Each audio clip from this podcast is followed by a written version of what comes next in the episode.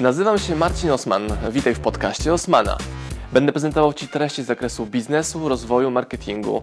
Będzie również dużo o książkach, bo jestem autorem i wydawcą. Celem mojego podcastu jest to, żebyś zdobywał praktyczną wiedzę. A zatem słuchaj i działaj. Marcin Osman.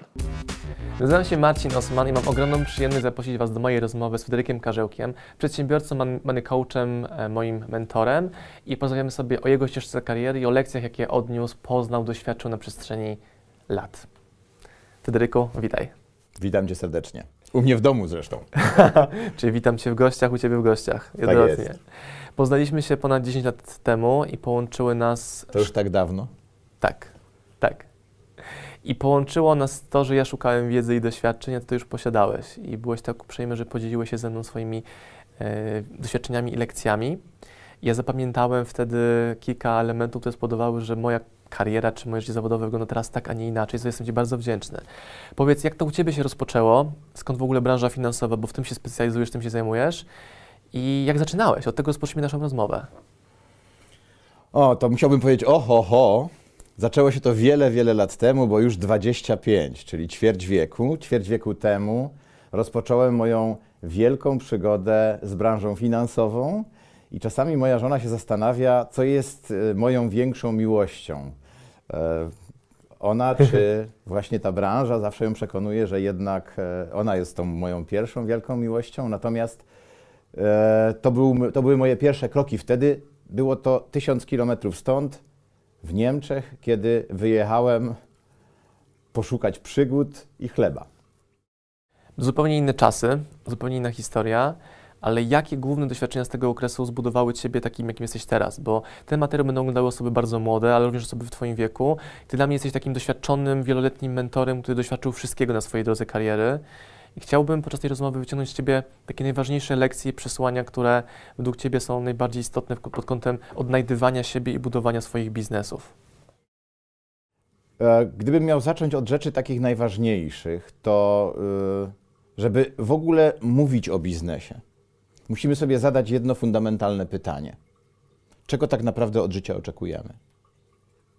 Bo jeżeli oczekujemy od życia spokoju, bezpieczeństwa, pewnej stabilizacji, to na pewno to nie ma zbyt wiele wspólnego z biznesem, przynajmniej na początkowym jego etapie. Zdecydowanie. Natomiast jeżeli szukamy czegoś więcej, jeżeli chcemy od życia przygody, spełnienia swoich marzeń, realizacji pewnych większych zamierzeń, to biznes jest tym miejscem, gdzie możemy na pewno się zrealizować. Natomiast y, na pewno nie ma jednej recepty na biznes jest ich całkiem sporo. U mnie zaczęło się to, tak jak wspomniałem, 25 lat temu i y, inspiracją do tego było wiele rzeczy. Jakby taką bezpośrednią było to, że pewnego dnia do mnie zadzwonił człowiek i zapytał, czy nie poszukuje przypadkiem sposobu na to, żeby więcej zarabiać. Odpowiedziałem twierdząco, on się pojawił u mnie.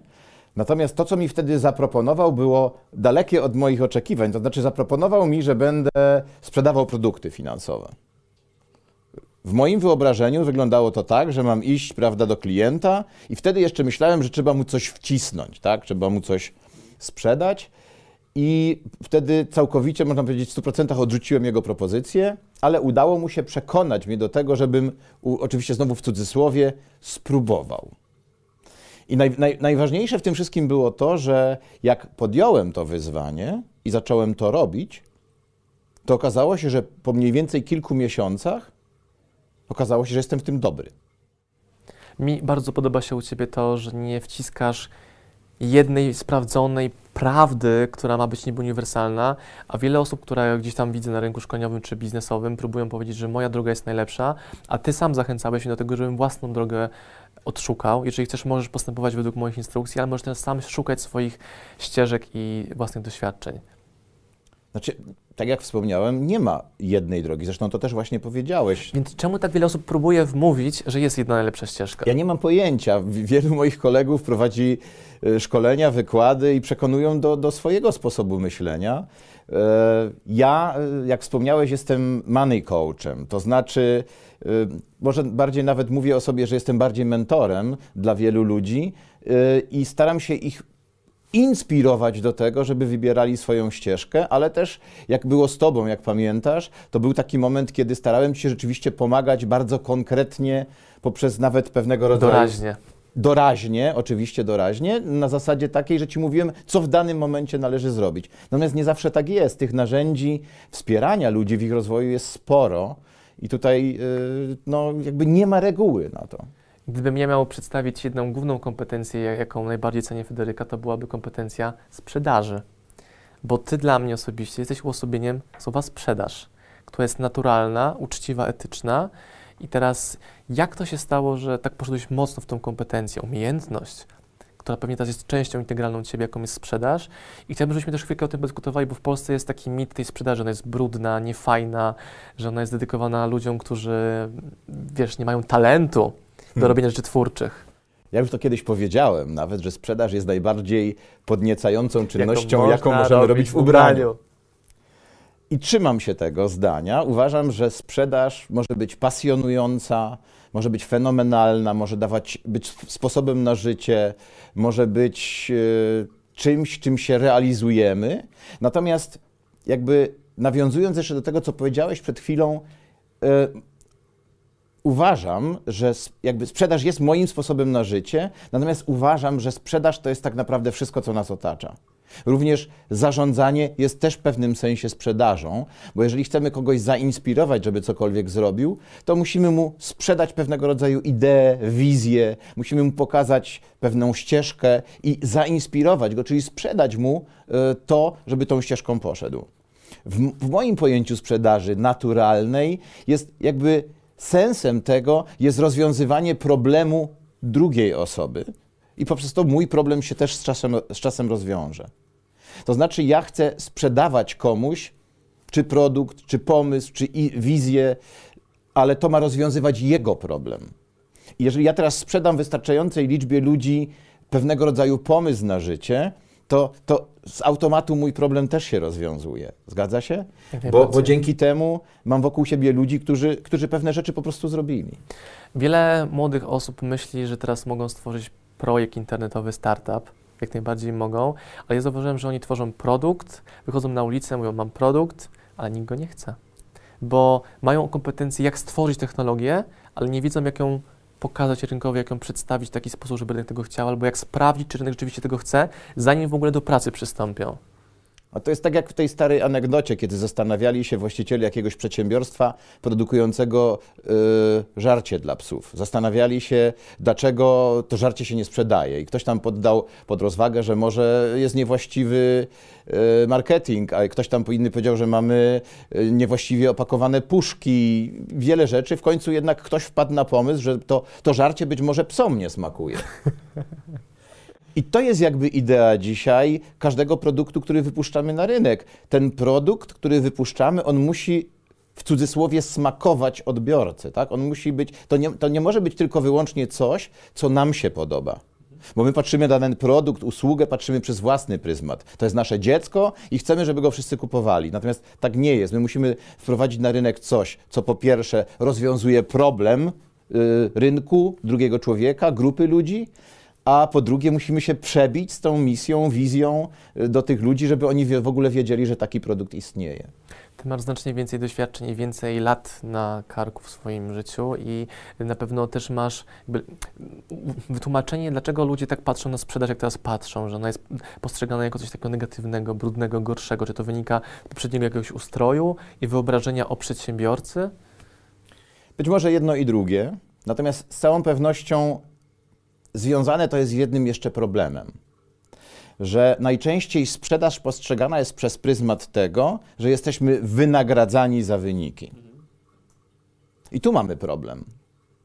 Bo nagle musimy przejąć odpowiedzialność za własne zachowania i dostajemy wynagrodzenie wtedy, kiedy osiągamy rezultaty. Jak nie mamy rezultatu, nie mamy pieniędzy. W związku z czym wielu sprzedawców nie chce tego rodzaju rzeczy wykonywać, bo woli mieć stabilną, stałą pracę i będzie dostawać może niewielkie, ale za to stałe wynagrodzenie. Sprzedaż jest piękna, bo jest zero-jedynkowa. Albo jest, albo jej nie ma. Nie ma nic pomiędzy.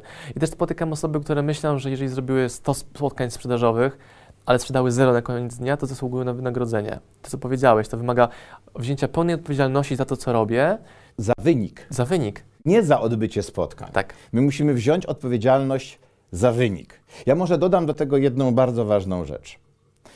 E, sprzedawcą nikt się nie rodzi. Sprzedawcą się możemy stać. Możemy się stać świetnym sprzedawcą. Jak to jest z tym mitem właśnie bycia urodzonym sprzedawcą? My często o tym słyszymy. W moim odczuciu nie ma czegoś takiego, że się jest urodzonym sprzedawcą, chociaż może tak być, że ktoś ma jakiś talent w tym kierunku. Natomiast talent jest zdecydowanie przeceniany i wielu utalentowanych handlowców nie osiąga rezultatów, chociażby tylko dlatego, że nie, nie y, wykonują określonej liczby spotkań. Dlatego te, ja, pos- ja stawiam we wszystkim, czego uczę, stawiam zawsze trzy tezy. Po pierwsze, y, sprzedaży można się nauczyć. Każdy, każdy może stać się dobrym sprzedawcą, przede wszystkim. Uważam, że przy wystarczającej liczbie powtórzeń każdy może stać się dobrym sprzedawcą. Po drugie, uważam, że sprzedaż jest prosta, chociaż wcale nie jest łatwa. E, Wynika to z tego, że logicznie wytłumaczyć komuś to jest tak naprawdę banalne. Tak? Możemy komuś powiedzieć, dobra, okej, tu masz produkt, tu masz prawda, kilka zasad, dekalog e, komunikacji i wio. Natomiast robić to, to już wcale nie jest takie proste, bo moment, kiedy bierzemy telefon do ręki i musimy się z naszym potencjalnym klientem umówić, to wchodzą w emocje w grę i to czasami wcale nie jest takie, takie łatwe. I tak jak powiedziałem wcześniej, tego się można nauczyć. To jest ta trzecia zasada, tego się można nauczyć, tak samo jak uczymy się języka obcego. Jeżeli będziemy to powtarzać, jeżeli będziemy to robić, to w pewnym momencie zauważymy, że to umiemy. Pomimo, że nawet yy, prawda, będziemy, nie będziemy pamiętać momentu, kiedy tego nie umieliśmy, bo już nagle to umiemy. To jest tak jak z nauką języka. Jak już znasz język i potrafisz się nim posługiwać, to już nie pamiętasz tego momentu, jak go nie rozumiałeś. Po prostu słyszysz, że ktoś mówi i rozumiesz. Dla mnie niesamowite też jest to, że ludzie, którzy są w moim wieku, oni są dużo starsi niż ty. Że Tak. rocznikowo są młodsi, Tak. ale ich umysł jest zupełnie na innym poziomie, dzięki czemu nam jest łatwiej się dogadywać niż mi z wieloma moimi rówieśnikami, ponieważ oni mają już te 30-33 lata mniej więcej, są ustabilizowani. Jakkolwiek nowa umiejętność, jaką im przedstawiam, że na przykład naucz się tego, tego programu, tej aplikacji, damy Ci pracę, projekty, które pozwoli zarabiać dwa razy więcej niż zarabiasz do tej pory. Oni nie chcą poświęcić tego czasu na przebranżowienie się. Nie wiem, jak to było za Twoich e, młodszych lat, jak jest teraz z Twojej perspektywy, pod kątem tego, jak szybko musimy się zmieniać, jak te zmiany muszą następować w dopasowaniu do, ryn- do rynku. Przecież teraz mamy narzędzia, które możemy tworzyć stronę internetową w 3 minuty. Nie potrzebujemy do tego deweloperów, narzędzi, nie wiadomo czegoś, ale ludzie dalej myślą, że to trzeba wykonywać tak, jak się robiło 15 lat temu czy 5 lat temu.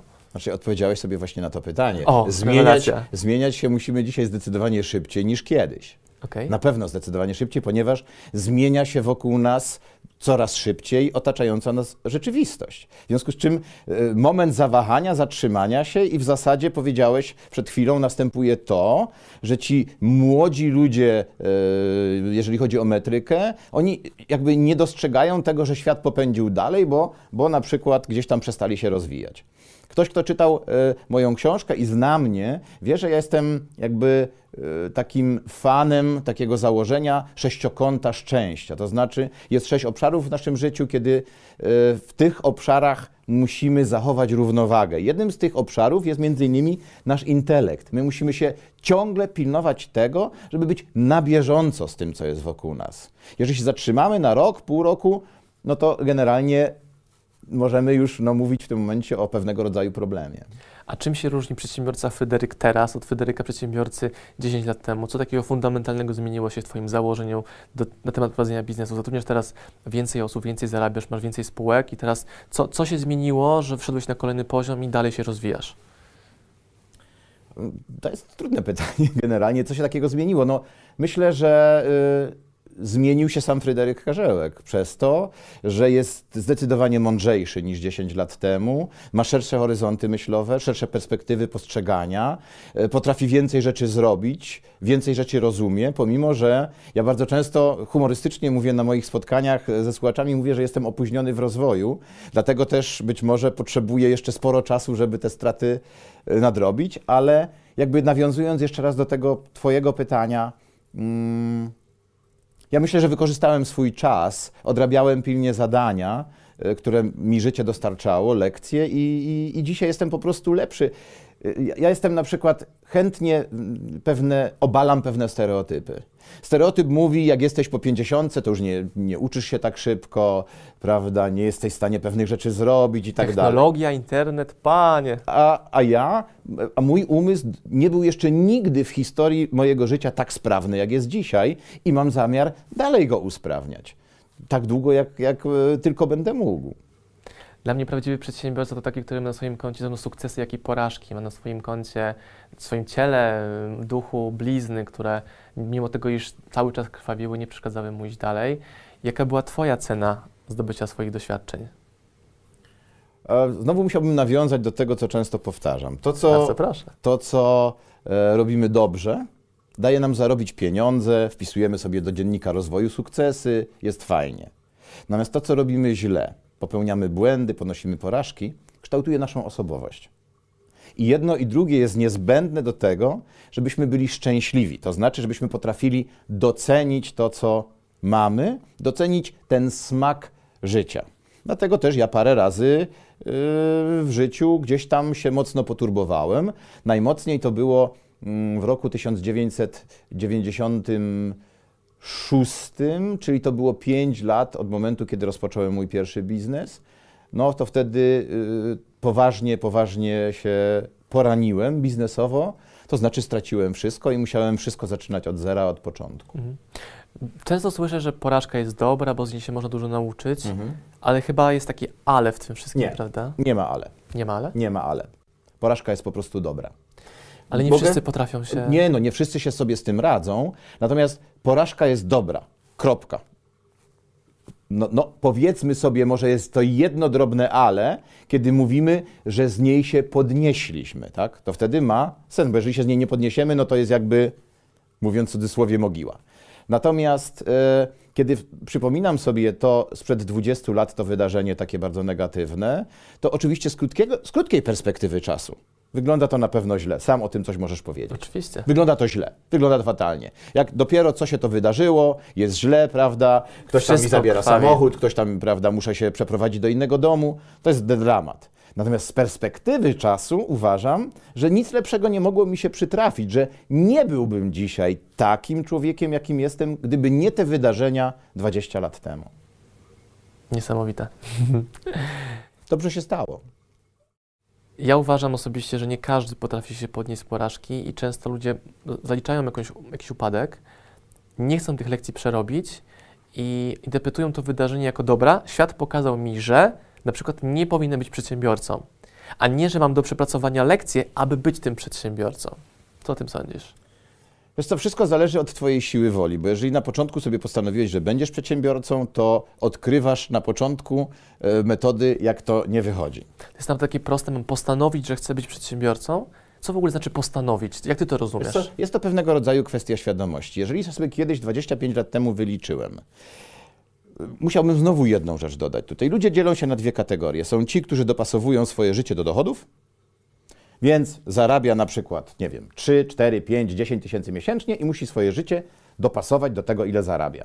Natomiast ta druga kategoria ludzi to są ci, którzy dopasowują swoje dochody do życia, jakie chcą prowadzić. Więc jakby idąc tym tropem, ja sobie pewnego pięknego dnia wyliczyłem, ile ja chcę zarabiać. To znaczy, na jakim poziomie chcę żyć, i wyszło mi, że nie ma takiej stawki godzinowej. W związku z czym musiałem poszukać czegoś, co spowoduje, że ja dojdę do tego dochodu, ale nie będzie to praca na etacie, nie będzie to jakaś, nie będzie to łatwe, ale może proste. Więc jakby powiedziałem sobie wtedy, ok, biznes jest tym moim mm, kierunkiem działania i po prostu muszę się tego nauczyć. I koniec. Bardzo cieszę się, że będziesz naszym gościem na konferencji nazwie Tylko dla Orłów 29-30 kwietnia. E, Będziesz występował obok największych sław tego świata w kontekście sprzedaży i z mojego mm, doświadczenia, mojej obserwacji będziesz na równie wysokim poziomie, jeśli nie wyższym, pod kątem Zobaczymy. prezentowania skill sprzedażowych. I powiedz, co, czego, co pokażesz, czego nauczysz na tym kongresie osób, które zechcą się z nami spotkać wtedy? E, chciałbym przekonać ludzi, którzy tam będą, że y, po pierwsze to, co przed chwilą powiedziałem, to znaczy muszą przestrzegać pewnych prostych reguł, żeby osiągać pewne rzeczy. To jest pierwsza sprawa. Druga, będę ich namawiał do tego, żeby tworzyli swoje życie jakby z perspektywy dzisiaj, jak ono ma wyglądać za 10, 15, 20 lat i do tego wszystko dopasowywać. Nie, nie patrzeć się przez pryzmat, bo niestety większość chciałaby, żeby już, prawda, za pół roku albo za rok, żeby było fajnie, w związku z czym szukają ścieżek na skróty, tak? Czyli kupują ten przysłowiowy kupon totolotka. Tak. Nie wiedząc, a jak widzisz, jestem finansistą, więc może nie wszyscy to wiedzą, ale większość pewnie tak, że szansa na wygraną w Totolotka jest 1 do 14 albo 16 milionów. Prawdopodobieństwo, że wyjdzie mi w biznesie w pierwszym podejściu jest 5%. I ludzie nie chcą grać tą grę. I wolą grać w Totolotka. Tak. A tymczasem zwróć uwagę, jak ogromną przewagę ma biznes. 5% masz szansy, że w pierwszym podejściu ci wyjdzie. Oczywiście istnieje ryzyko 95%, że ci w pierwszym podejściu nie wyjdzie. I nawet mówi się o tych statystykach, i ci bidni adepci biznesu mówią: O, a jak mi nie wyjdzie, to co? Ale ma 5% szans. Ale teraz czysto teoretycznie. Nie wyjdzie mu za pierwszym razem. Nigdzie nie ma chyba takich statystyk, które mówią, że jak się drugi raz podchodzi do biznesu, to ta statystyka jest zdecydowanie lepsza. I dzięki Twoim poradom jestem tego do przykładem. Taką, taką mam nadzieję, że uda nam się też z tym przekazem dotrzeć do uczestników e, tego spotkania. Bardzo dziękuję Ci za rozmowę i do zobaczenia na kongresie o nazwie Tylko dla Orów 29-30 kwietnia w Warszawie. Zapraszam.